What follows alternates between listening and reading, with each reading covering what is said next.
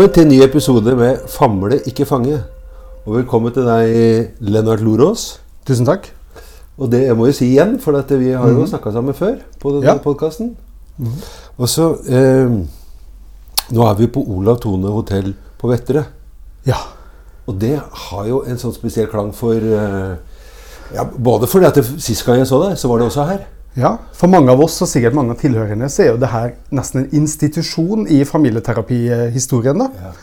Jeg tror Familieterapiforeningen har vært her i mer enn 30 år. Ja. Og nå er vi ikke i den anledning nå, men dette stedet har Ja. mye familieterapi i veggene. Ja. Og, og da vi møttes sist gang, og hvor jeg spurte om du hadde lyst til å være med også, så, så var det jo Det heter vel sånn Årets eh, familieterapikongress, er det det heter? Konferanse? Ja, årskonferanse og Ja. med påfølgende årsmøte da, for Ja. foreningen. Ja. Og så husker jeg jo at du hadde jo en av de to hoved... Heter det forelesninger? Eller Plenumsforedrag blir det foredrag? typisk kalt. da. Ja. Og så lurte jeg liksom på hvordan eh, Først så lurte jeg på eh, Hvordan er det liksom å bli invitert til å, å holde det? Liksom, hva, hva, hva skjer med deg når du får, den, eh, får det spørsmålet? Ja. eh, litt sånn i tråd med det vi sa, så, så er det jo så mye familieterapi i veggene her. Og her har jo Tom Andersen og John Shotter og så mange vært. Så det å bli invitert er jo en stor ære i seg selv. Og så har jeg jo også ting jeg ønsker å si, så det er også vanskelig å si nei. Selv om det med en selvfølgelig en viss grad av æresfrykt man sier ja til det også. Men jeg tenker også at det er litt av eh, det er litt en sånn plikt gjennom jobb å virke, altså, og det også formidle det vi faktisk forsker på og driver med og er opptatt av. Så, så jeg tenker at eh, det er en oppgave som var vanskelig å si nei Ja. til, men også krevende å si ja til. Ja. Det krevde mye forberedelsestid. Ja, Uten at jeg kan så mye om det, så jeg tenker at liksom, hvis du forsker og du har eh, både doktorgrad og professor og sant, at det, der er vel også litt sånn krav til at man må vise hva man holder på med. Men, men ikke sant, det er jo også den andre siden. Det, det så ikke sånn ut på deg da, at, at du var spent eller grudde deg eller hadde sånne ting. Er du, er du liksom så dreven i å, å snakke til store forsamlinger at det ikke Du sover som en stein natta før, for å si det sånn? Om ikke som en stein, så, så er man forholdsvis rolig, for man gjør det så mye. Ja. Det er liksom en så stor del av jobben. Men det er klart, en stor del av jobben min er å snakke til familieterapistudenter. Og det er noe annet. Her sitter du med mange av de mest erfarne familieterapeutene i landet. Så det gjør at uh, Derfor må du forberede ting grundigere. Du må berede grunnen bedre for det du snakker om.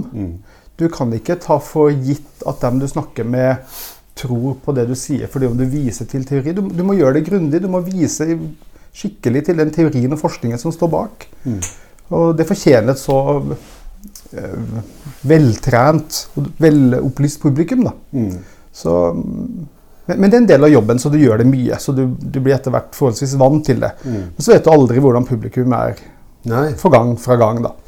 Ja, så tenker jeg liksom det der eh, begrepet om å liksom passe forskjell. da. Ja. Og tenker du liksom at det, det budskapet du kom med i, i forhold til, til feltet, da, for å kalle oss som var der, et felt Mm. Tenker du at det, det var en passe forskjell? Det var en for stor forskjell? Altså, hvordan føler du liksom at det, det budskapet du hadde, det Hvordan var liksom Må jeg si det, for at det, jeg gikk før den siste forelesningen, så jeg fikk liksom ikke Ja. vært med på hvis det var plenumsdebatt. Men hvordan følte, hva var liksom opplevelsen din av av hvordan det har truffet både mens det var der, rett etterpå og, og etter det?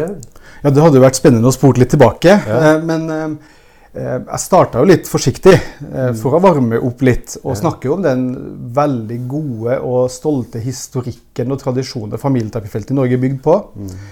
Og eh, det, det er et veldig godt spørsmål, fordi at jeg har blitt spurt lignende av flere. Og jeg tenker nok at forskjellen var ganske stor. Men det overrasker meg hvor stor den var for noen.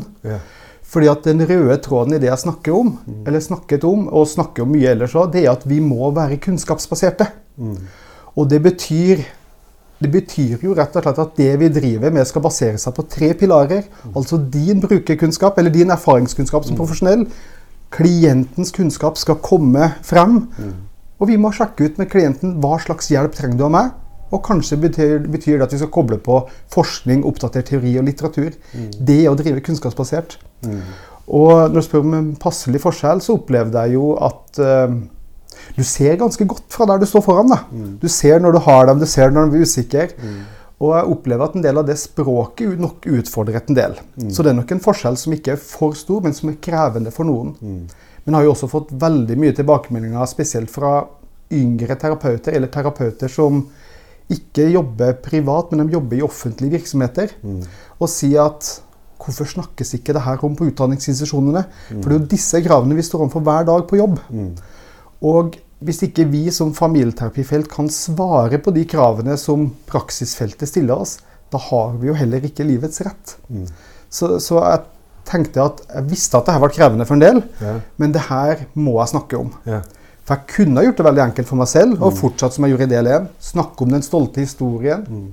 Si noe om at hvis vi skal eh, komme oss videre, eller eh, fortsatt lykkes, hvis en skal si det, så må vi tilbake til røttene, tilbake til Tom Andersen. Holde hardt på disse ideene. Det er jo det veldig mange ville ha hørt. Men det har jo ikke leda oss dit vi skal. Nei. Og Derfor ser vi jo akkurat som jeg om der, at familieterapi er i ferd med å forsvinne fra mangde, en mengde innflytelsesrike kontekster. Og i Sverige nå Jeg var i eh, redaksjonsmøte sammen med noen fra den svenske representant forleden dag og sier at familieterapi er i ferd med å forsvinne i Sverige. Det er to utdanningsinstitusjoner som fortsatt har familieterapi, og de anser og tror at det vil være borte innen kort tid. Og da må vi på en eller annen måte gjøre noe annerledes. Og det handler ikke om at ikke jeg er glad i den stolte tradisjonen. Hadde jeg hatt mulighet, så skulle jeg gjerne ha jobba Milano. Og hatt deg, Øyvind, bak speilet. Men vi får jo ikke jobbe sånn. Vi har jo ikke fire terapeuter å avsi til en time lenger. Selv om jeg tror det kunne vært effektivt også. Så vi må tilpasse en ny tid. Og det å sette ord på det og holde på det såpass tydelig som jeg gjorde, det er nok i hvert fall en betydelig forskjell. Ja. Om ikke for stor. For stor for noen. Jeg forstår for noen. For du sier at det, at det er jo Det er dit vi skal, eller Og så lurte jeg på hvor er vi skal? Jeg tenker vi, vi skal Vi skal et sted hvor vi kanskje ikke i så stor grad har vært tidligere. Vi skal til et sted hvor jeg tror vi må i større grad forske på egen praksis. Vi må kunne dokumentere at det vi gjør, er det god grunn til å tro at vil være effektivt. Og jeg er veldig skeptisk til effektbegrepet og liksom denne her forskning sier-greia, men jeg syns vi som felt i dag har gått for mye den andre veien. Altså vi God, anerkjent, publisert forskning, der er det stort sett funn som sier oss som har funnet noe som er virksomt. Og vi har en del sånn forskning, men det blir lite plukka på familieterapifeltet. Og en annen ting som familieterapifeltet har vært lite interessert i, det er jo forskning på familien som institusjon. Hva vet vi om eh, barn som har skilte foreldre? Hva vet vi om risikofaktorene for de? Det vet vi jo masse om, men vi snakker jo i liten grad om det på utdanningsinstitusjonene. Det er veldig sjeldent når jeg veileder studenter, jeg veileder sikkert studenter i 600 timer i året. Det er veldig sjelden den forskningen er langt framme i lyset hos de jeg veileder. Og Det er klart, det kan jo si meg noe om hva skal jeg være obs på. Er det noen ting jeg skal sjekke ut for å være en best mulig terapeut? Så jeg tenker vi må Jeg har tenkt lenge på at jeg har lyst til å si at vi må profesjonalisere faget litt. Ja. Og med det så mener jeg at vi må kunne dokumentere hva er det vi gjør. Hva er grunnen til at vi tar de valgene vi gjør? Og så må vi sjekke ut på en mer systematisk måte er du faktisk fornøyd med det jeg gjør.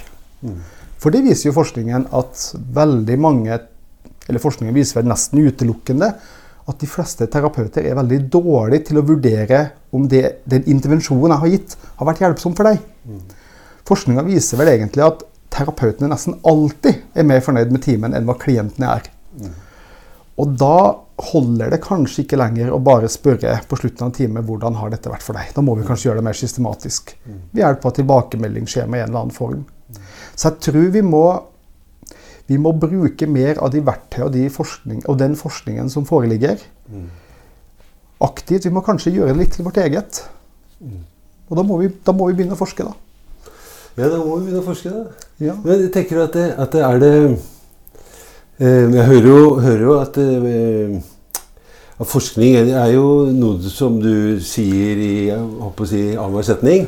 Ja. Er det sånn at det, Ser du noe, noe bakside ved det? Er det noe andre liksom, Er det noe kritikk til fenomenet å forske? For at det, jeg opplever jo liksom at det, eh, vi er jo, ikke sant, hvor er det vi skal? Så sier det jo vi skal dit. Ikke sant? Og så er det, blir det noe rom for folk som tenker annerledes i tillegg, eller blir det sånn øh, litt sånn polarisert eh, Kall det debatt. da. Ja. Eh, De som er for, og de som er mot. Og, så, og håper å si noen av oss som, som prøver å, å, å vake litt imellom der. Har du noen generelle ideer om Eller spesielle ideer om at, at forskning også har noen baksider? Ja, ja, absolutt. Og når jeg snakker om forskning nå, så er det for at jeg ser at det er det vi trenger for å bli tatt på alvor. Er jo, det som jeg er mest opptatt av selv, er jo det å drive terapi og være til stede og tilpasse kursen i forhold til klientene. Tåler du å bli avbr- avbrutt? Ja, absolutt. for, dette, eh, for det du sa eh, Hvis du fortsatt husker det du skal si, Ja. eh, så sa du at det å bli tatt på alvor. Og så lurte jeg på av hvem? Ja, Da mener jeg rett og slett premissleverandører. Ja. Helsedirektoratet, som tidligere sponsa Familieterapiforeningen, som ikke har gjort det de siste ti årene. Psykisk helsevern, voksenpsykiatri. Rett og slett konteksten hvor vi tidligere, som vi snakka om på Vettre, 80-90-tallet faktisk vi var en anerkjent faggruppe. Vi liksom, det, vi ble, det ble oppretta familieavdelinger, for det her var så viktig. Og den forskninga har vi jo i dag òg, som viser hvor viktig familien er, og hvor, hvor viktig emosjonell støtte er for at, for at sine nærmeste er for at våre klienter skal si det skal få hjelp. da. Men likevel så bygges jo disse tingene ned. Så når jeg de, når jeg mener de som bestemmer, så er det premissleverandørene. Ja. Og så lurer jeg på liksom, De som er premissleverandører, lager de også premissene på, på, på hvordan man skal, de, de skal forstå oss? Altså, jeg husker du brukte et sånt eksempel på at eh, dette med 'not knowing position', eller ikke-vitende posisjon. da. Mm. for de som ikke veit hva det er, så jeg kan ikke gå så langt inn i det. Men, men, men det å, å ikke gjøre det var fordi psykologstudentene ikke forsto det. sånn at da må de liksom gå vekk fra det av den grunn, fordi du underviser de òg. Skulle man tenkt at eh, ja, det er jo mye Hvis jeg er litt sånn sidespark, da det er mye psykologstudenter holder på med som, eh, eller som vi holder på med, som de ikke skjønner. Og det er ikke nødvendigvis en grunn til å slutte med det av den grunnen. Men er det en sånn idé om å At det liksom skal ligne mer på, på det lineære, mer på det psykologideen, da, som jeg liksom kunne kjenne at det, at det, vil vi så mye bli anerkjent at, det, at vi tapper ut et eller annet med badevannet mens vi holder på med det. sånn at det, Oi, nå ble vi anerkjent, men oi, det ligna på et eller annet vi hadde fra før av, gitt. Ja. Veldig enig i det du sier der. Og det er jo min store redsel at vi skal kaste ut vår egenart med badevannet. Og det var det jeg snakket om i siste del av timen. At det er det ingen grunn til vi skal gjøre. Men, vi, men vi må på et eller annet tidspunkt, når, når en familieterapeut typisk vil si at vi er opptatt av språk, da må vi også se på det språket vi bruker. Vi bruker så mye begreper som er fremmede for folks liv. Kybernetikk, systemteori, generell systemteori. Eh, Feedback-systemer det er begreper som ikke gir mening for folk. Ikke-vitende posisjon heller ikke. Og det gir heller ikke mening for de vi samarbeider med. Og det er jo ikke noe unikt for psykoterapifeltet på noen som helst måte å være ikke-vitende i dag. Alle psykoterapeuter jobber ut fra den forståelsen de kaller for noe annet. De kaller det typisk for selvtvil. Så er det litt ulike i hvilken grad hvor mye ekspertrolle de tar. Men det var et kjennetegn for oss kanskje på 80-90-tallet som var viktig. Vi brakte inn noe nytt. Men det der er ikke et særegent trekk for oss i dag.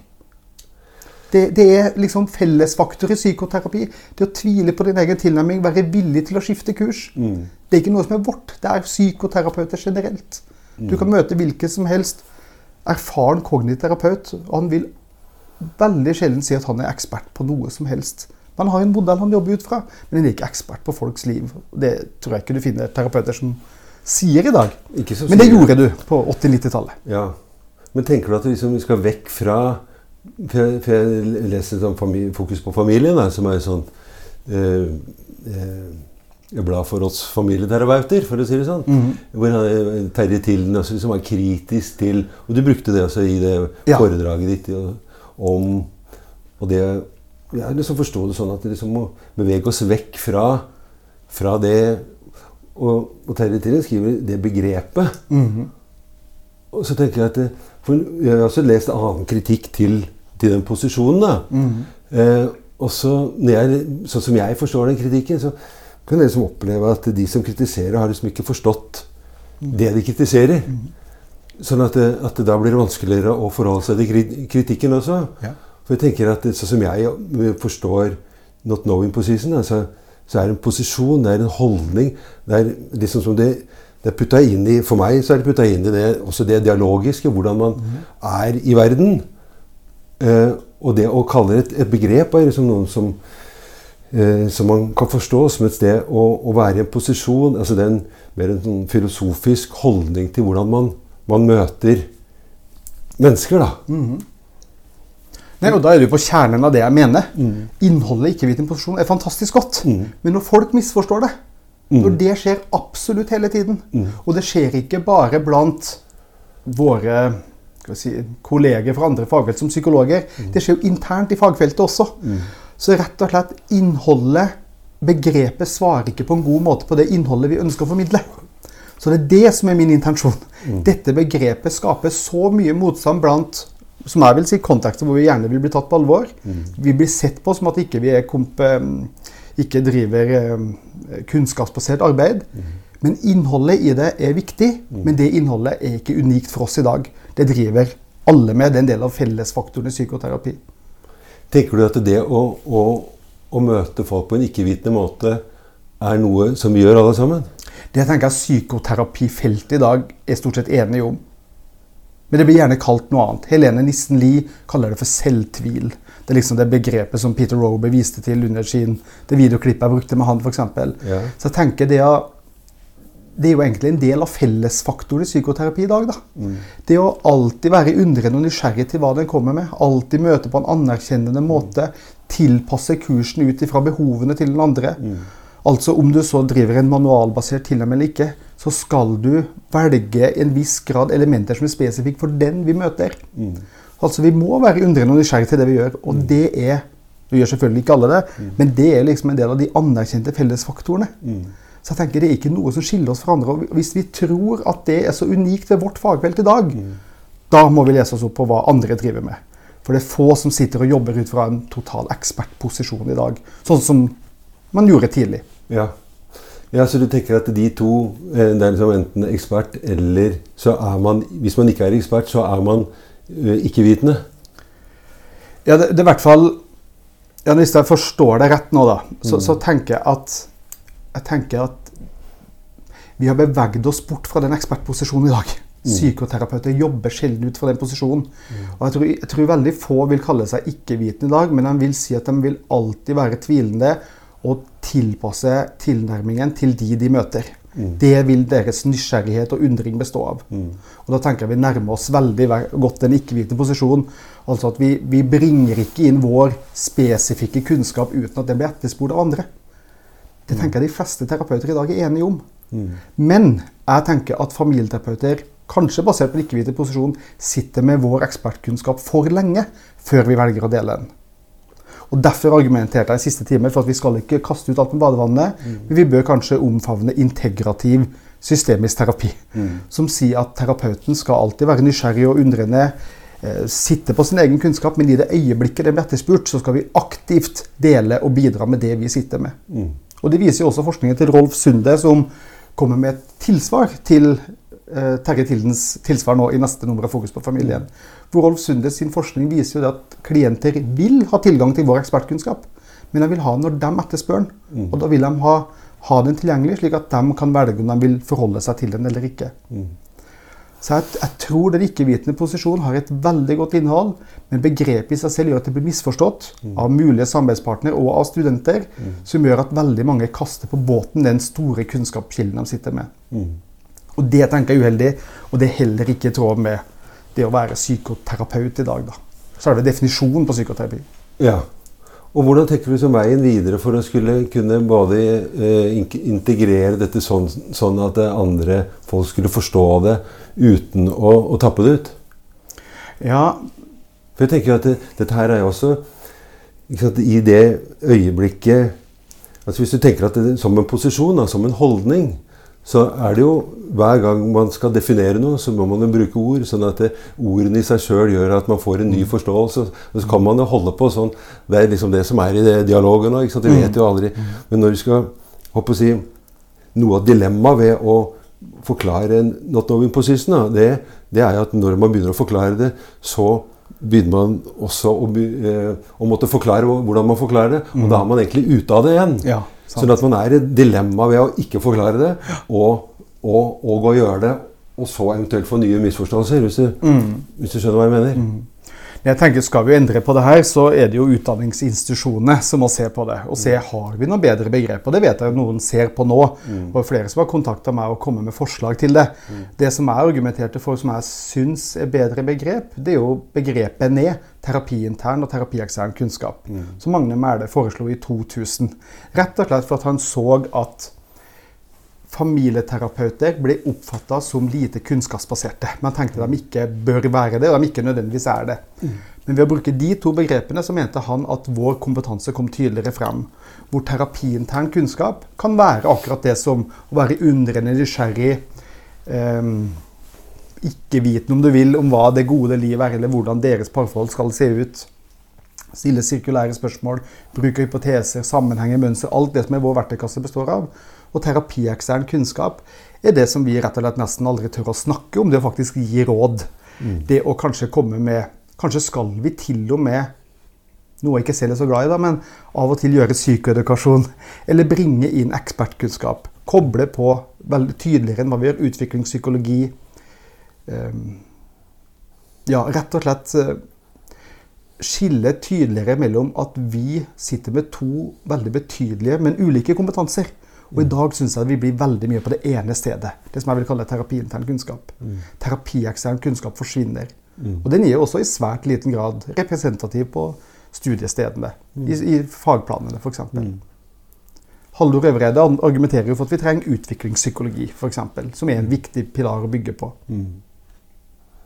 Så, så det er de begrepene jeg syns gir god mening. Yeah. og Helene Nissen Lie hun mener vel, eller hun har jo foreslått begrepet selvtvil. da. Mm. Ikke to begrep, men ett begrep som jeg tenker er kanskje individualterapeutenes begrep i dag på det vi kaller for ikke-vitende posisjon. Mm. Men tenker du at det, at det i denne det forskningsfokuset, da, hvis det går an å kalle det det, mm. altså er det, er det liksom noe som du tenker at man også, også mister, liksom? Som ikke Som Ja. Jeg kan jo si noe om som jeg kan tenke man, man kunne miste. da, ikke sant? Det, hvor blir det av det intuitive, det magefølelsen eh, eh, Det å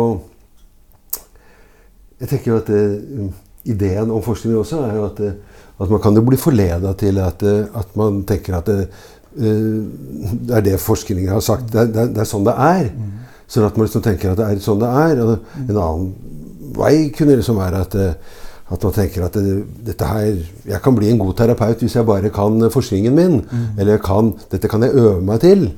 Så jeg tenker at jeg tror jeg ville gitt litt sånn motstand på at kan man lese seg til å bli en god terapeut, eller er det helt andre eh, egenskaper man trenger i tillegg? Mm. Absolutt, og det er veldig viktig å sette ord på der, og Du brukte i sted ordet 'polariserte posisjoner'. Mm. og Det tenker jeg absolutt det kan bli av det. Men problemet er jo hvis man leser forskning slik du nevner det nå. Mm. Da forstår man jo ikke forskning. Mm. Så du trenger forskerkompetanse for å kunne lese forskning også. Mm. og Derfor det er så bra at det er så mange i dag som tar en masterutdanning. For å lære seg å være kritisk til forskning. Og vi har jo ikke forskning som sier noe om hvordan verden er, men den antyder tendenser. Og de tendensene tenker jeg vi bør være klar over. Og som du sier, mister jeg magefølelsen, skal jeg miste intuisjonen? Ja, det er jo fryktelig synd hvis man gjør det. Mm. Men da har man jo misforstått det hele. For det, det jeg snakker om, er jo kunnskapsbasert praksis. Og det består jo av tre pilarer som alle er likeverdige. Og det ene er jo at du skal bruke nettopp deg selv mm. som det verktøyet du er. Mm. Med den kunnskapen du har med deg, med det livet du har, med de eh, muligheter og begrensninger det har gitt deg på alle livets fronter. Teori du har med deg, erfaringer. Og så har vi klienten eller brukerens erfaringer. Den skal vi snakke fram. Og så er forskning den tredje pilaren. Altså, du kommer hit med det her. Du beskriver disse utfordringene. Jeg har lest noe som kan synes å handle om noe som minner om det du beskriver. Mm. Er du interessert i å høre noe om det?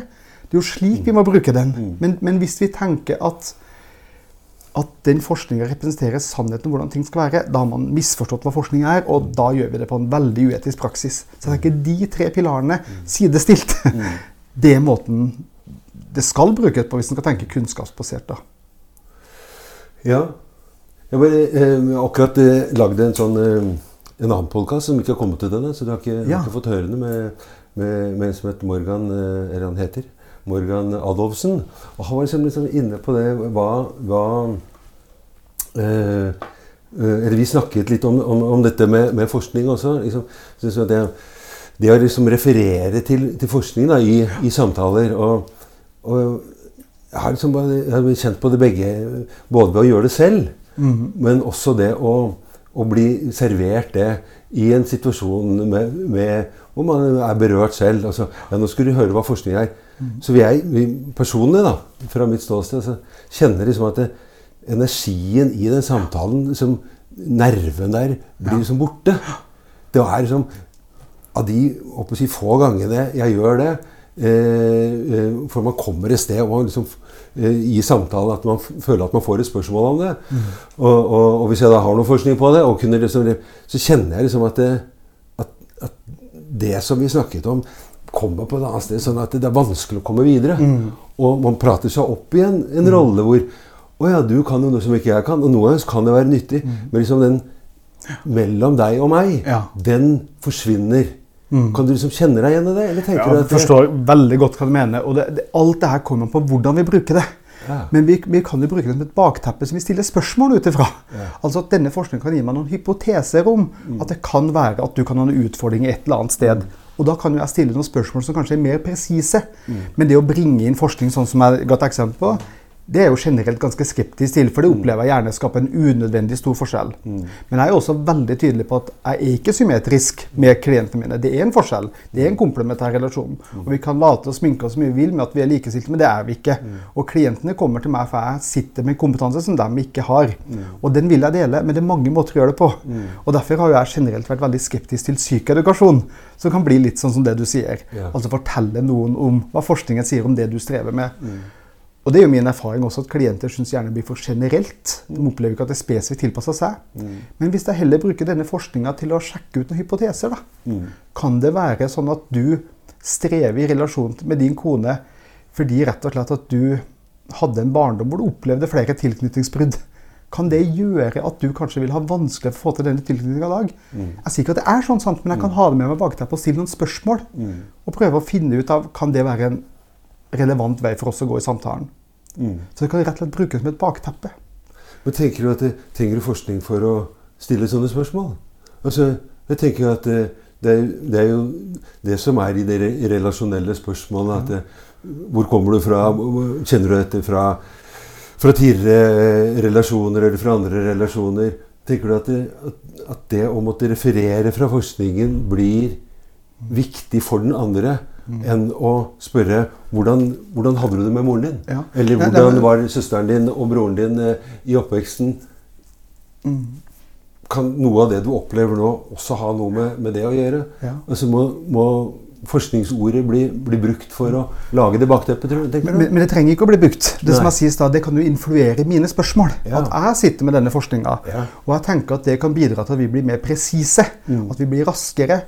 For jeg tenker at en ting jeg har tenkt mye over, det er det at hvor presise er vi som familieterapeuter? Hvor opptatt er vi at dette er ikke en prosess vi skal drive med i lang tid? Som Finn Skårderud, husker den videoen jeg viste fra Etter, så viser den til Gadamer, som sier terapi er en virksomhet som har til mål at dette skal slutte å foregå. Altså Målet er ikke at du skal gå i terapi.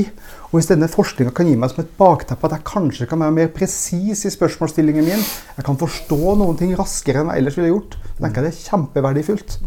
For Du skal ikke gå i terapi hos meg mest mulig, du skal gå hos meg minst mulig. For hvis du må gå her lenge, da gjør jeg meg også veldig innflytelsesrik i ditt liv. Og det vil jeg ikke være. Jeg vil at det skal være dine andre, dine viktige andre som skal være det. Men det er klart, hvis du bruker forskningen som et, for å underbygge et poeng, da misbruker du den. Så jeg tenker den influerer hvilke spørsmål jeg stiller. Og selvfølgelig, jeg kan stille kjempegode spørsmål uten det. Men kanskje vil det også være noen ting jeg ikke spør om, for at jeg ikke har den kunnskapen med meg. rett og slett. Jeg tenker Det blir en viktig tredje kunnskapskilde, i tillegg til det jeg har fra før. Det du har som klient. Men det, ikke sant, eh, bare når du bruker sånne ord som presis, da, mm. ikke sant, så tenker jeg at, eh, at eh, Først så ble jeg nysgjerrig hva betyr det Mhm. Og så andre så tenker jeg at det er ganske så stor kontrast til f.eks. denne podkasten hvor vi eh, i hvert fall eller en av oss, da, famler litt. Du, Mhm. jeg syns ikke du famler eh, så, så mye som meg, men ideen er jo også denne famlingen at det, vi også kan havne steder hvor vi ikke vet hvor vi er fordi vi famler. Mm. Eh, og hvis vi tåler famlingen og fomlingen og hva det måtte være, så, så, så kan det oppstå noe annet. da. Mm. Mens presishet tenker jeg at det, det er for meg da, litt mer lineært. Jeg har en idé. Jeg tenker vi skal et eller annet sted. Eh, og hvor skal vi? Og det må vi finne ut av hvor vi skal. Mens denne fomlinga den, den er noe helt det andre. Ja. Og jeg kan ta meg noen ganger i at eh, jeg tenker i hodet mitt at jeg ikke får lov til å spørre den som kommer, hvorfor kommer du hit? For hvis jeg spør hvorfor kommer du hit, så ville de tenke at Oi, må jeg ha bestemt det på forhånd? Eller Ja. nei, da får jeg si et eller annet. Eller man, man forter seg til et eller annet som kanskje ikke er så forståelig. For det er mange som også kommer og sier at 'Jeg veit ikke hvorfor jeg er her'. Eller 'Mora mi syns at jeg burde prate med noen'. Eller, og så leiter man, og så finner man noe en dag, og noe annet en annen dag. Mens det er liksom i det presise, i det litt sånn strømlinjeforma som jeg hører at du sier, jeg ikke sier at du sier, gjør at det eh, så jeg husker litt, Som vi snakket om på den forrige podkasten òg. At du bruker blokka eh, flittig. Ja. Her skal vi skrive ned. Vi må finne ut av hvor skal du hen. Så tenker jeg at det er liksom dimentralt men forskjellig liksom, fra denne måten å bevege seg på. Ikke sant? Det der med å kanskje være litt stille, øh, vente, ha tålmodighet, tåle at man ikke vet hvor, man, hvor man skal hen. Mm.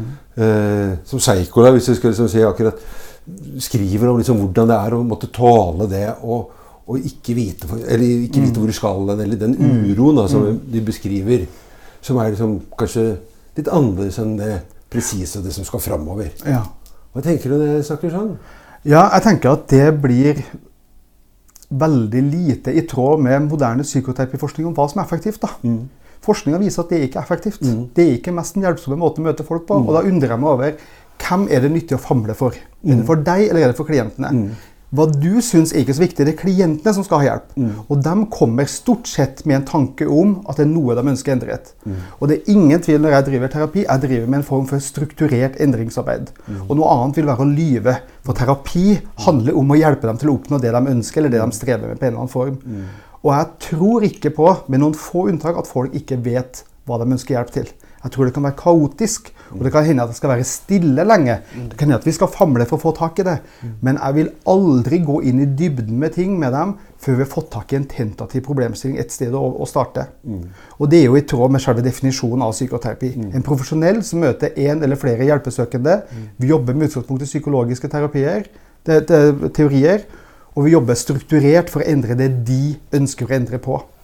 Og jeg undrer meg over det, hvem denne famlingen er til hjelp for. Det blir, for meg blir det en romantisering av at folk kommer til oss for å få hjelp. Så det, den polariseringen jeg spurte om i stad, så tenker jeg at eh, eh, jeg håper å si, Vi som eh, forfekter fam, eh, famling, da. Ja. Eh, hvor blir det av oss? tenker at det, Dette gjør vi for vår egen del. Det som skjer inne i rommet eh, Dette skjønner vi egentlig ikke eh, hva som skjer. Vi vet ikke helt hvor det eh, Verken om, om det er nyttig, og hvis vi tror det er nyttig, så er det for vår egen del. Og hvis vi skal være med på den reisen videre, eh, så har ikke vi noe her å gjøre. Ja. Tenker du For at vi, når jeg satt og hørte på deg òg, da, Ja. så, så sa du at du får et godt overblikk. Jeg vet ikke om du så, Men jeg også eh, ble eh, både litt sjokkert, eh, litt lei meg, litt redd, litt forbanna, Ja. litt eh, uro.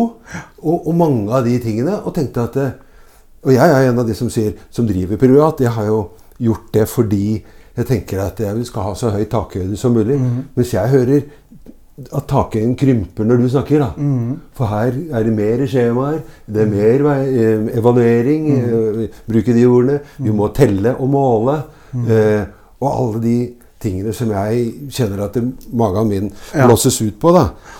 Det å ikke vite, være i det, eh, tåle sammen og ikke vite, tørre å ikke måtte gå noe sted. Tørre å Jeg har en student som er meg. jeg tror Hun vet hvem det er? for Jeg tror hun, hun har deg som veileder. Eller, eh, ikke sant? Og, og når hun har fått lov til å være med meg i mine samtaler også, så var det jo sånn at uh, Unnskyld, altså, men her, eh, her får du ikke lov til å skrive. Eller du får ikke lov til å vite noe om de andre uh, som- som kommer inn. Ja. Og først så ja, Hun er ganske modig, hun, da, så hun tok den på strak arm.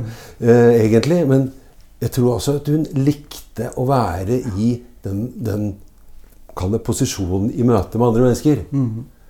Mens når du beskriver sånn at, det, at vi gjør det for, for vår del, så tenker jeg at, det, at jeg kjenner meg veldig lite igjen i det. Men nå har jeg ikke noe forskning på å si at jeg ikke kjenner meg igjen i det, annet enn min egen opplevelse. Nei. Nei, for det er jo akkurat det du sier. Du liker å jobbe på den måten. Hun eventuelt fant det hjelpsomt å jobbe på den måten. Men hva syns klientene? De kommer for å få hjelp. Er det effektivt for dem? Forskningen viser i hvert fall at en strukturert terapeut hvis en skal tro på forskningen, er mer effektiv enn en ikke-strukturert terapeut. Forskningen viser at det er lurt å være problemfokusert. Og tenker vi systemisk, som jeg virkelig gjør, så er det jo slik også at hvis du klarer å skape en endring ett sted, i problemsfæren, så vil jo det også påvirke de andre delene. Så det å, være, det å tørre å være ett sted, ikke alltid gå ut så bredt, det vil jo også påvirke helheten. Jeg hadde lyst til å si, være litt sånn der flossete, da. Eh, men jeg hadde lyst til å si at, eh, at eh, vi vet hvordan det, det virker. Så tenker jeg at eh, jeg jobber privat. Ja. Sånn at, at eh, jeg er helt avhengig av tilbakemeldingen. Både at jeg eh, spør de i etter åssen var dette her. Men dette her koster jo skjorta, da, for å si det sånn. sånn at det, den måten Hvis det ikke hadde vært nyttig for folk, så hadde det ikke stått noen utafor døra hver gang på morgenen jeg våkna. Så det er én måte eh, å, å bruke en eller annen type forskning på for å se om dette er nyttig. Ja. Og jeg tenker at det, eh, men, men det er jo noe annet enn at, eh, at jeg bare sier at dette er fint for meg. Ja. Helt, helt klart, og det der er en sånn praksisbasert eh, erfaring som er kjempenyttig og erfaringsviktig å bygge på disse erfaringene. Men igjen, da, sånn hvis vi ser på forskningen, så synes det at den dekker ikke alle, men det er mer effektivt om du har en litt tydeligere styring. da. Ja. Jeg, jeg, Og, og hvorfor skal vi ikke forholde oss til det? Når vi ser at det her er en gjentagende rød tråd i det vi begynner å finne ut, hvorfor skal vi ikke forholde oss til det? Er det da min personlige stil som skal bestemme hva vi gjør, eller er det det som vi ser at viser seg å være effektivt? Og hvis det viser seg i møte med mine at denne måten å jobbe på, eller det, som du nevnte med problembestilling, de er ikke i stand til å klare å finne nå, så legger vi jo selvfølgelig en til side. Men målet mitt vil være å komme dit.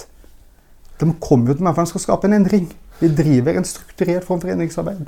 ja, for du eh, uh, snakker litt som om det ikke er noe, eh, noe struktur der. Jeg fikk sånn bilde av eh, altså, Hvis du sitter på en hest, da, Ja. ikke sant? og du strammer tøylene og ja, du gjør et eller annet med beina da, for å få den til å Så får du liksom i, inn til der hvor maten er. Eller? Du kan styre den. Ja. Mens hvis du eh, slakker på eh, hva heter det, seltøyet, Ja, ja. styrer rattet. Så, så vil den hesten kanskje gå en liten sånn slalåm. Men har vi kommet dit Ja. da også? Så, så det er liksom to bilder på hvordan man, man eh, også kan ja, være med og rundt andre mennesker. Helt klart. Og jeg tror nok hvis du hadde sett live therapy av meg, og kan sende deg en film, så får du gjøre det, så, så tror jeg nok du vil si at vi absolutt må følge de sidestegene som skal tas. Men jeg har alltid en plan om hvor vi skal hen, og den planen er i tråd med det som er klientens ønsker. Og hvis vi roter oss for langt ut, så er jeg ikke redd for å stille spørsmål ved er vi det her relevant det vi snakker om, eller er vi litt ved siden av. Er det her i tråd med det du ønsket å endre på? Og hvis det ikke er det, er det fordi at problemstillingen din har endret seg. Så jeg tenker jeg har nok et veldig tydelig kart over hva jeg ønsker, og jeg er veldig tydelig i forhold til hvordan jeg stiller spørsmål. tenker veldig inspirert av Carl Tom, som sier at hvert spørsmål skal være en intervensjon. Og da må jeg være presis. Og jeg gjør det ut av den hensikt at jeg tenker de skal være her minst mulig. Målet må være at de skal få hjelp så raskt som mulig. Og da støtter jeg meg på psykoterapiforskning, men psykoterapiforskningen sier også at vi skal tilpasse oss klienten. Så hvis det her viser at det matcher ikke oss to, så må jeg jo selvfølgelig tilpasse kursen. Men da gjør jeg ikke for det er noe jeg har lyst til, jeg gjør det for det er noe som kommer basert på feedback. Hvis jeg hadde kommet til deg og, og blitt stille, Ja. hva ville skjedd med deg da, tror du? Da ville jeg overraskende nok ha takla det veldig godt, for det er jeg veldig vant til. Ja, men Hva ville du tenkt om hva vi holdt på med mens, mens jeg blir stille? Men etter en stund så blir jeg jo usikker på om jeg har stilt et dårlig spørsmål, selvfølgelig, og kan bli urolig av den grunn. Men jeg gjør det her så mye at stillhet syns jeg ikke lenger er et problem. Det er gjerne et rom til en ettertanke som klienten trenger, men det kan også være et symbol på at jeg har stilt spørsmål på en måte som er uforståelig eller lite relevant. Mm. Så den, den, tiden bruker jeg til egen ettertanke og prøver å stole på at den vil det gjerne komme noe godt ut hos de andre. Mm. Men, men, det å jobbe forskningsbasert handler ikke om at du skal skynde deg med måten, hvordan du sitter på stolen. Mm. Det er ikke det det handler om. Men det handler om å anerkjenne det at terapi har en tydelig retning. Det handler om å føre til endring for den som kommer, i forhold til det den ønsker å få hjelp til. Mm. Og være ærlig og tydelig på at det er det vi skal jobbe imot. Mm. Og det er jo selve definisjonen av psykoterapi. Yeah. Og hva skal vi drive med hvis ikke det er det som er målet? Mm. Eh, hvordan syns du dette var i dag eh, kontra eh, forrige gang? Det er veldig spennende. Vi er jo inne i kjernen av det vi begge sikkert brenner mye for. Ja. Um, jeg vil bare legge til noe når vi snakka om forskning, for du stilte spørsmål først liksom om er det noe fallgruve med det. Mm. Og det er det jo absolutt. Mm. Og det vi i dag ser sånn som anerkjent forskning, og som jeg viser til nå, det er jo ikke sikkert relevant om ti år. Da kanskje vi tenker helt annerledes. Mm. Og um, jeg syns f.eks. Håkon Hårtveit synes jeg sa det så utrolig godt en gang. Han sa hva er det som gjør at folk glemmer at ordet teori står bak ordet tilknytning? De ser på det som en sannhet. Mm. Om ti år tror jeg vi tenker annerledes om det også. Mm. Så misforstå meg rett, altså, jeg ser ikke på denne forskninga som foreligger som sannheter, men jeg ser på som hjelpsomme verktøy som jeg syns det er uheldig hvis vi ikke benytter oss av. Mm. Og hvis vi ikke gjør det, så er vi heller ikke i tråd med de kravene som stiller til oss. Mm. Statens helsetilsyn sa i 2002 at vi skal kunne dokumentere at det vi driver med, er hjelpsomt for den vi hjelper. Mm. Og da tenker jeg vi må bygge på disse tre pilarene. Mm. Men forskning er feilfritt. Mm. Og en stor problem med forskning er at hvem er det som deltar i forskning da? Mm. Det er gjerne den hvite middelklassen. Ofte velutdannede mennesker. Vi eller er jo med i Etterlatte etter narkotikarelatert død, som er verdens største studie på den gruppen. Og vi ser jo at de fleste informantene har høy gjennomsnittsinntekt, f.eks. Mm. Så vi får ikke tak i bredden nødvendigvis. Men det gir meg noen ideer, i hvert fall. Det er det best tilgjengelige jeg har, i tillegg til å høre på klienten selv. Mm. Og da tenker jeg da må vi absolutt bruke den. Mm. Og det at familieterapifeltet for meg ofte oppleves rett og slett, ja, polarisert, som du sa, til forskning. Da, at ikke det har noe å si oss. Da, da, blir jeg skremt. Mm. Tenker vi ikke at det er noe i denne kunnskapen vi kan ta med oss? Er det ikke noe her som kan gjøre at jeg stiller bedre spørsmål, lager bedre hypoteser? Mm. Det vil overraske meg stort. Mm. mm. Men, jeg tenker, øh, for, uh, men du tenker ikke også at det kan bli litt sånn uh, Litt mekaniske terapeuter? Ikke sant? Det, altså, uh, jeg har holdt på med dette en stund, jeg òg. Mm. Sånn at det har vært gjennom løft og narrativ ja. og sirkulære spørsmål. Alt det, alt, det, der. Eh, så, så, det kunne liksom være sånn at vi, Den andre siden ved det er at, eh, at vi ja, blir litt sånn mekaniske. Ja. 'Dette har vi lest et sted, og så får du det eh, servert her.' Ja. Eh, og så at, at, det genuine og det ekte og det som oppstår i øyeblikket, da, det blir liksom borte fordi at han andre sitter og, du, eh, og lurer på hva er Litt karikert her nå, da. Mm, mm. Men, men, eh, men øh, at vi begynner, eller fortsetter å utdanne familieterapeuter som er mer opptatt av dette enn å Jeg tenker jo at det, det andre er å gå i seg selv og, og, og, og bli og bygge på egenart, egen stil. Mm. Eh, både bruke sitt eget liv, men også ting man har lest, og som er forskningsbasert. Liksom, og, og, lage det til noe, noe genuint. da. Mm. Jeg er absolutt redd for det du sier der, og det er en vei jeg ikke vil vi skal gå. Mm. Og Derfor er jeg jo generelt kritisk til en del av den manualiseringa som foregår. Mm. Der er jeg redd. Ja. Det å, være forskningsinformert det er jo en plikt. Det er, jo, det er vi jo forplikta til. Mm. Det skal vi gjøre hvis vi skal drive i forhold til Statens helsetilsyn. Så det er ikke redd i seg selv, men i det øyeblikket det blir sett på som en sannhet, mm. og i det øyeblikket manualer som kommer, og som jeg tror er kom, Fremtiden kommer til å se slik ut, om vi vil eller ikke. Mm. Det sa også Allan Karg, som jeg viste til på denne forelesninga. Det jeg er redd for, er at hvis vi går i sporet som f.eks de kognitive terapeutene har gjort med sine manualer. Sånn som Coping Cat for sosial angst og lignende. Mm. Det er så rigid. Den sier hvordan, hvilke spørsmål du skal stille i hvilken time. Mm. Og litt sånn som jeg har opplevd Circle of Security blitt gjort også. Mm. Det var kanskje ikke modellens feil, kanskje terapeuten, men da er vi på en ville veier. Da, da, da er det ikke et menneske som møter et menneske lenger, som jeg tenker er, som forskninga viser, er det mest effektive av alt. Så dit vil jeg ikke. Men å ha noen verktøy som gir oss retning, så ikke vi roter oss bort i det enorme kompleksiteten et menneskeliv representerer, det tenker jeg vi har kjempebruk for. Men de verktøyene må være fleksible og kreative. Og så må vi kunne dem skikkelig, og da vil de fleste av oss også kunne bevege, bevege oss ganske fritt innenfor de rammene eller brøytestikkene, om du vil. Men stringente manualer, det er jeg veldig bekymret for. Dit det- skal vi ikke, håper jeg. Nei. Men de samarbeidsorienterte, Helen Arnesen, John Shotter eh, ja, Disse som, som Mm. forfekter eller Tenker du at de har, har eh, enten noe å tilføre eh, retningen, eller tenker at dette faller av? Dette blir borte. Ja. Det er for, for lite konkret. Det er for famlete. Ja, jeg er jo Jeg vil faktisk bruke ordet at jeg er redd for at det kommer til å forsvinne. da. Ja. Fordi at sånn som det fremstår i dag, så er det jo ren teoretiske beskrivelser. Det er ikke noe som helst, meg bekjent, forskningsgrunnlag for det. Så sånn som det er nå, så fremstår det ikke for meg som at det er noe som fremtiden vil inneholde. Nei. Men rett og slett for at vi ikke har vist til forskning på det. Men da tenker jeg jo at da må vi heller forske på det og sjekke ut om det her faktisk er hjelpsomme folk. Er det jo ikke hjelpsomme folk, så må vi for guds skyld slutte å gjøre det. Det gjelder jo all slags terapi. Det er jo mange ting vi gjorde før i tiden som vi slutta med, for det har vist seg ikke virke. Men det fins jo måter, hvis du jobber samarbeidende ideologisk, som Haline Andersen driver med, å, å sørge for at du likevel jobber empiriinformert. F.eks. ved å inkludere fellesfaktorer i psykoterapi, som stort sett alle er De fleste er enige om at det er god forskning som vi kan stole på. Og det å bruke en eller annen form for tilbakemeldingsverktøy. Jeg bruker ikke mange verktøy, men jeg vil sørge for at jeg på et eller annet måte dokumenterer deres tilbakemelding på hva vi driver med. Det er det eneste verktøyet jeg kan tenke meg å bruke. Og det kan jo også en samarbeidende ideologisk terapeut bruke. Og da vil du jo få hele tiden tilbakemeldinger på er det relevant det vi gjør, skal vi justere kursen?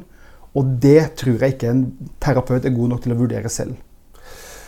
Nei, for jeg kjente bare det, det å skulle bruke ordet verktøy, så får jeg helt bakoversveis som jeg ikke har noen sveis igjen av. Ja. Altså, fordi at jeg tenker at det, det går ikke an å bruke Apropos metaforer i familieterapeut som kybernetikk og sånt. Ja. Jeg tror heller ikke det går an å bruke verktøy til å endre, endre folks liv. da. Sånn at, det, at der faller jeg liksom allerede av der ved å og, og tenke at vi må, må, også bruke andre ord Ja. når vi snakker med om hvordan vi skal snakke med mennesker. Men, men, du, men du sier flere ganger sånn at 'jeg har ikke tro på'. Men er det så viktig hva vi tenker her, da? Det er jo klientene. Hvis det kan gjøre at du får tilgang til noe klienten ellers ikke ville ha sagt om din måte å jobbe på, så tenker jeg det er verdt det. Og det er jo ikke behagelig å alltid be om denne tilbakemeldinga. Jeg må innrømme jeg ikke alltid har gjort det heller, for jeg følte det her gikk ikke godt. Jeg tåler ikke det nå. Men, men jeg tenker mitt behov her det må bli trumfet av kan jeg få ny kunnskap om klienten. Er det noen endringer jeg kan gjøre? Så det er jo virkelig å være samarbeidsbasert. Vi bruker det jo til det. Rett og slett Er det noe med min tilnærming som jeg kan endre på? Og om jeg liker det eller ei, hvis det hjelper klienten til å få fram hva den opplever, så tenker jeg det absolutt er verdt det. Ja. Så verktøy er jo for at klienten skal få hjelp, ikke for at jeg skal ha nok et verktøy. Nei. Eh, jeg hører hva du sier, men uh, uten at jeg liksom er helt over til, overbevist av den grunn. Men jeg kjenner på det derre at uh, For det er jo liksom det å evaluere og det å og, og, For det er ikke sånn at eh, i, i slutten av en samtale at vi ikke snakker om hvordan var dette. Men da prøver jeg også liksom å ikke vurdere det på en annen måte. Men hvordan hadde, og prøver å bruke de ordene. Hvordan hadde du det? Sånn at de kan få lov til å prøve å beskrive hvordan de har hatt det. For det andre er kort vei til å evaluere. Hvor flink syns du jeg egentlig var? Var, jeg, var jeg god nok? Var jeg flink? Og de fleste som kommer til meg, er så høflige at de vil jo bære meg på som gullstol, sånn at jeg skal ha det fint resten av dagen også. sånn at jeg, disse vurderingene er jo også ja, vanskelig å vite helt hva, hva du får ut av det. Og Derfor har disse verktøyene endra seg. Så nå skal du ikke fylle ut det verktøyet stort sett sammen med klienten. Klienten fyller det ut på telefonen sin når den setter seg i bilen etterpå, eller på kvelden på mail. Du får det tilsendt i en eller annen form, så du skal ikke sitte og gjøre det der. Men de gangene jeg har tatt sånn tilbakemelding med klientene i rommet, og de gangene jeg føler at det har gitt meg noe, og det er jo de gangene han har lyktes, synes jeg, det er jo de gangene de faktisk tør å kritisere meg. Da tenker jeg at da har vi en god allianse. Her er det en klient som virkelig er trygg. Men jeg tror akkurat som du sier, den vil ofte bære oss på gullstol. Og pga. det skeive maktforholdet. Og hva er den evalueringa verdt da? Minimalt. I hvert fall de første gangene. Kanskje vil han bli trygg nok på sikt. Men hvis du kan gjøre det hjemme, gjøre det i en form hvor vi slipper å sitte sammen, så er det ikke så viktig hva jeg syns om det. Hvis det gir meg ny kunnskap om klienten, så tenker jeg da må vi selvfølgelig gjøre det. For vi skal ikke drive med terapi som gjør folk dårligere. Og 10 blir dårligere av å gå i terapi. Og vi vet ikke hvem de prosentene er. Men det kan dette verktøyet hjelpe oss å avdekke. Ja, jeg tror det er ganske mange som ikke vet om man blir bedre av det heller. Sånn at uh, Jf. en som han som jeg snakka med sist, som fikk en, eh, en mail tolv år etterpå i, fra en samtale hvor han følte han hadde gjort en forferdelig dårlig jobb. Hvor han Ja. fikk en mail om at uh, han hadde, hadde redda livet hans. Ja. Så jeg tror vi Uansett hvor mye man forsker, så får vi aldri, Nei, nei, nei, selvfølgelig. aldri vite alt. da. Nei, Det gir oss noen tendenser. sant? Og så må vi vurdere er disse tendensene verdt å høre på. Hvis de er det, så bør vi ta dem til oss. tenker. Hvis ikke, så skal vi velge det bort. Men for å kunne vite hva vi skal inkludere og ikke, så må vi også kjenne litt til forskning. da. For ellers er det vanskelig og, kreve, vanskelig og krevende å både lese og forstå det. Men å tenke at ikke det er noe vi kan lære av det som familieterapeut, da tenker jeg da er vi arrogante i forhold til alt det som foregår rundt oss i verden. Jeg, kom, jeg hadde lyst til å um, Jeg hørte på den forrige som vi, som vi snakket om. Ja. Eller snakket med, eller om ja, den vi hadde, da. Ja. Eh, og da eh, har jeg tenkt mye på det fordi at eh, Snakket om å være transparent. Ja. Og så sa du et eller annet der om at, eh, at eh, Hvis jeg skal forstå deg riktig, at det mesteparten av det du gjorde, var som å være transparent. Veldig. Veldig.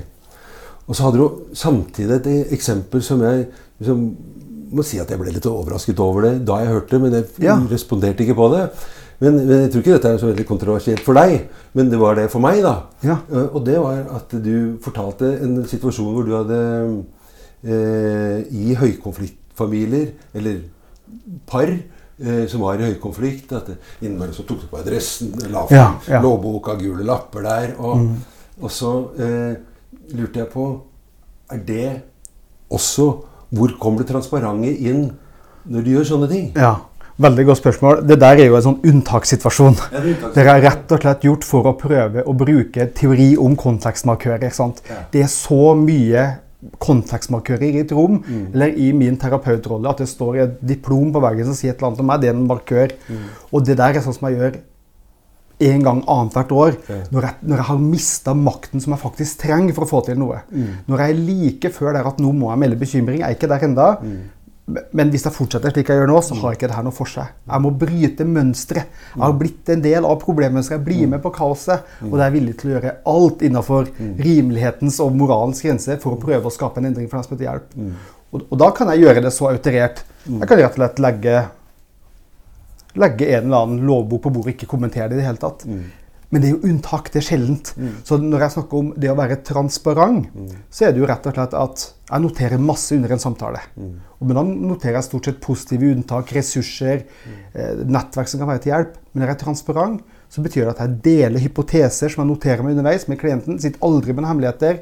Hvis ikke det skal være overgrep som jeg må håndtere på en annen måte. Timen er ferdig, så spør jeg har du lyst Øyvind, til å se på disse notatene før du drar, eller vil du ha en kopi av dem?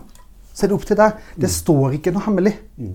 Og det betyr at Hvis jeg snakker med deg og også er bekymra, så vil jeg være transparent og ærlig og tørre å si det. Så snakker vi om det. Så det vil ikke være noen hemmeligheter. Men akkurat i det øyeblikket så er jeg ikke transparent. Men da er det det siste verktøyet jeg sitter med før jeg må gi det her fra meg. Jeg prøver en sånn siste greie for å prøve å bryte dette mønsteret som jeg også har blitt en del av. Et problemsystem.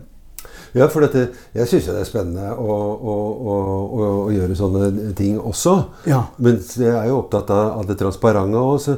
Men, men når du snakket nå, så, så lurte jeg også på liksom, men hva som hindra deg å at Fy faen, nå veit jeg ikke hva jeg skal gjøre for noe. Nå er jeg så bekymra og lurer på om jeg må ringe til noen andre. Ja. Og jeg er redd, og dere blir bare sintere og sintere. Og jeg føler at jeg, er foran, jeg er ikke til hjelp for dere. Altså. Jeg har mista meg helt. Ja. Og jeg er en del av problemet her, liksom. Hjelp meg. Ja. Altså, som er den, liksom helt den andre veien, ja. som er transparent. Og som er Tenker du at det, at det vil du gjøre for din egen del, altså for min egen del, Ja. som er sånn famling, som egentlig ikke har noe for seg? Eller tenker du at det er en annen måte å liksom være i, i det på? Gå et skritt fram, tørre å si at jeg, jeg kan ikke gjøre noe for deg hvis ikke dere vil at jeg skal gjøre noe for dere. Altså, å, å spille liksom også ballen når man ikke kan noe. Ja. Eller tenker du at eh, Nei, jeg tenker vi alltid skal ha svaret, eller alltid ha en ny retning, eller Absolutt ikke alltid ha svaret. Og jeg tenker det du foreslår, er en veldig kreativ annen måte å gjøre det på. Mm. Som helt sikkert kan være virksom. U uten tvil. Det er bare en veldig annen måte å gjøre det på. Mm. Det jeg er redd for med den, som i det eksempelet som jeg snakket om forrige gang, det er at det var et tilfelle hvor jeg opplevde at jeg hadde mista totalt Mm. den lille makten jeg trengte for å kunne lede en samtale. Jeg må inneha et minimum makt for å kunne lede en samtale, så ikke de gjør mer av det de gjør hjemme. Det er meningsløst de holder på med det uendelig hos meg. Mm. Og hvis jeg hadde tatt den, så er jeg redd for at jeg hadde gitt fra meg det bitte lille jeg sitter med. Mm. Men kanskje hadde det paradoksale skjedd. Syns det høres ut som en spennende måte å gjøre det på. Mm. Og har gjort varianter av det før også, hvor det har fått litt sånn paradoksal effekt at men jo, det kan du absolutt, og vi skal, og så endrer de seg altså av den grunn. Mm. Det er bare en annen måte å gjøre det på. Men det er et øyeblikk hvor jeg ikke er veldig transparent, det er jeg helt enig i. Ja. Men det funker. Ja, det funker. Mm. Uh, jeg lurte på uh, Det er litt sånn på tida. Prøver å lage disse podene ikke altfor lange. Og jeg vet at han, uh, det er en som må videre her også. skjønner Ja. Sånn at jeg tror Tenker du at At dette jeg har jo liksom glemt å spørre deg litt om hva var det du ønska å snakke om i dag. Tror du vi har vært innom, innom de tingene? Jeg tenker vi har vært innom alt det jeg trodde vi skulle snakke om i dag. Ja. For det ante meg jo hva vi skulle snakke om i dag. Ja. Og så syns jeg vi hadde en god, energisk samtale om det. Mm. Og ja, jeg tenker vi har snakka om mye av det som jeg brenner for og er opptatt av for tiden. Og jeg håper ikke blir misforstått til at vi skal kaste ting ut med badevannet. For det mener jeg på ingen måte. Vi skal være stolt av arven vi har med oss, men vi må bruke det vi har med oss på en annen måte i fremtiden hvis vi ønsker å fortsatt bli tatt på alvor. Og jeg tenker at det er helt grunnleggende MRI-tenkning. Mental Research Institute, John Weekland og co. If it doesn't work, stop it. Og jeg tror vi gjør en del ting i dag som ikke er hjelpsomt lenger. For oss som fagfelt, ikke nødvendigvis heller for klientene. Og da må vi sjekke ut er det faktisk hjelpsomt det vi gjør, eller skal vi se på om vi kan gjøre ting på en annen måte. Er det andre begreper som er mer riktige, mer tilpassa tidsalderen vi er i? Um, ja. Jeg har bare lyst til å spørre deg om, om For at én ting er å liksom tilby mer av noe annet. Ikke sant? Mer av forskning, som, som jeg hører du snakker om òg. Men eh, kunne liksom kanskje savnet også Men hva er det familieterapeuter er for noe? Ikke sant? Også, eh, også få sagt noe om hva vi er spesielle i. Og jeg tenker jo at eh, ja, det som er særegent, det er jo i hvert fall det sirkulære. Det systemiske tenkninga vår. Men jeg tenker også at, eh, at en ting som, som jeg syns det er for lite fokus på, da, det er jo hvordan vi eh, eh, hvordan familieterapeuter er familieterapeuter når de kommer ut fra skolen, eller når de ikke er på sånne samlinger hvor, hvor alle er så systemiske, eller når det begynner å bli vanskelig. Ja. Sånn at eh, min fordom da, det er jo at, eh, at eh, vi kan være veldig systemiske når det går fint, og når det går bra. Men hvis vi blir litt sånn ekstra bekymra, eller hvis det har noe med spise for mye eller for lite å gjøre, Ja. eller hvis noen skal henge seg eller ikke, så blir vi liksom veldig lineære og kaster liksom alt det vi kan liksom på båten. da. Ja. Og det tenker jeg også at det, det er noe som jeg syns at, eh, at vi, det, er ikke, det er ikke noe midt imellom. Enten så får være sirkulær, så må det ikke være. Og, og min erfaring, da, som også gjør at jeg, som jobber for meg selv, det er at når det ble litt vanskelig Jeg sto i, i, i mye sånn barnevernsarbeid hvor det, Ja. hvor det var mye som var skummelt. Så var det sånn Ja, men nå må vi nok eh, ha en annen tenk tenkning her.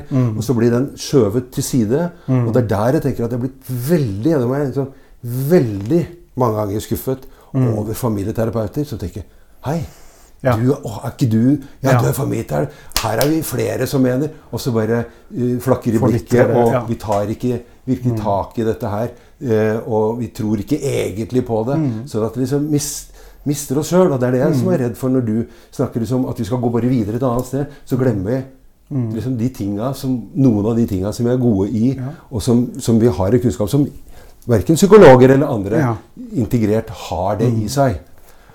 Og, Jeg er helt enig, og det, det skal vi ikke miste. og Det som jeg argumenterte for i siste time, var jo integrativ systemisk terapi.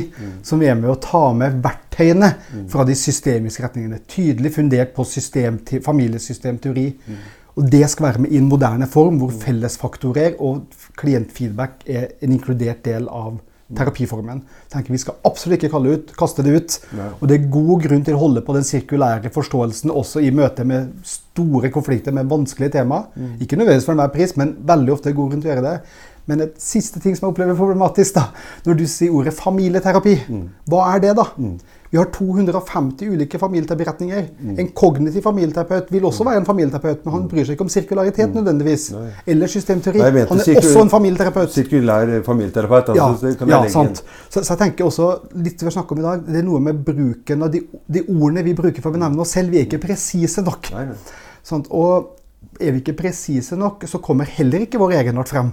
Hvis du sier til meg at du er en systemisk terapeut, så vet jeg ganske mye om hvordan du jobber. Sier du er en familieterapeut, så vet jeg egentlig veldig lite. Jeg vet at du vil foretrekke å forstå ting relasjonelt. Det er kanskje det eneste. Ja, og så har jeg lyst til å, en annen side ved, ved familieterapi, som er så, terapi som jeg syns Eller systemisk familieterapi, da, som jeg skal være presis. Eh, og det er, er viktig, det. Eh, som jeg tenker også man også kan fokusere på. Som jeg tenker at sant, i, i, I din søken etter anerkjennelse, så tenker jeg også at sånn som jeg tenker om det, så er det jo at det er noen ting som vi kan som, som ikke noen andre kan. Og det Absolutt. er f.eks. å snakke med flere inn i rommet. Ja, det er ikke den én-til-én. Altså, det er en helt annen ballgame bare å få to stykker inn i rommet. Hvis du får en hel familie eller generasjoner. Og det er altså noe som er særeget Ja, ja, familieterapeuter. Og det er også noe som også går an å, å, å vise hva som er forskjellen. Mm. For i hvilken grad dette her stemmer eller ikke, så er det også min opplevelse at det, vi har en familieterapeut på de fleste steder Mm. rett og slett for å ha et alibi for at vi har fokus på familier. Ja. Og, og, og, og bruker også det systemiske ordet i mitt forståelse litt sånn feil. At, det, at man det- tenker at, det, det er, at familieterapeuter kan noe om at det, at det er systemer i familien som gjør at vi blir syke og, og dårlige, eller noen for det. Mens det tenker jeg også bare er en misforståelse i forhold til hva det systemiske ordet egentlig, tenk, eh, egentlig betyr. Så det er jo mye vi også i tillegg, eller ved siden av, eller å kunne fokusere på hva, hva vi faktisk er, enn å nærmest liksom Litt sånn latterliggjøring av det vi er, da, som jeg kunne oppleve at du liksom kunne vise. Altså, det er jo sånn Jeg syns det også var morsomt, eh, eh, selv om ikke kanskje du tenkte det sånn, men det er jo en sånn fun fact at det, du sa 250 forskjellige eh, Familieterapeutiske retninger. ja, retninger eller metoder. da, Ja. ikke sant? At, det, at det, det, det syns jeg både er morsomt og trist. da, ikke sant? Du? Sånn at Ja. Ja. Ja, vi er enige langt på vei. der, jeg tenker oh, Hvordan brevpenn blir brukt det blir brukt gjerne som et alibi for å oppfylle eventuelle krav til at vi skal vise tverrfaglighet osv. Men så blir det i praksis ikke gjennomført på den måten. Begrepene er misforstått osv. Og, og jeg tenker akkurat som du sier, da, helt på tamp her, at det at vi har den unike kompetansen å jobbe med flere da må vi jo sørge for at vi blir tatt inn i de kontekstene hvor vi virkelig kan gjøre det viktige arbeidet. Og der er vi i ferd med å forsvinne. Og fortsetter vi sånn som vi gjør da, mer av det som ikke har gitt oss den plassen, da, tenker, da er vi snart borte. Vi er snart borte i Sverige, da er vi snart borte her også. Det var litt sånn pessimistisk måte å snakke på, men eh, takk til Ellen her. Det, det trenger ikke være pessimistisk, vi må jo gjøre noen endringer. Ja. Så det er jo absolutt muligheter, men ikke hvis ikke vi gjør noen ting. Ja. Men selvfølgelig skal vi gjøre noe. Men eh, takk for praten igjen. Kan det godt være at vi møtes igjen eh, til en ny samtale. Så, Plutselig. eh, velkommen igjen.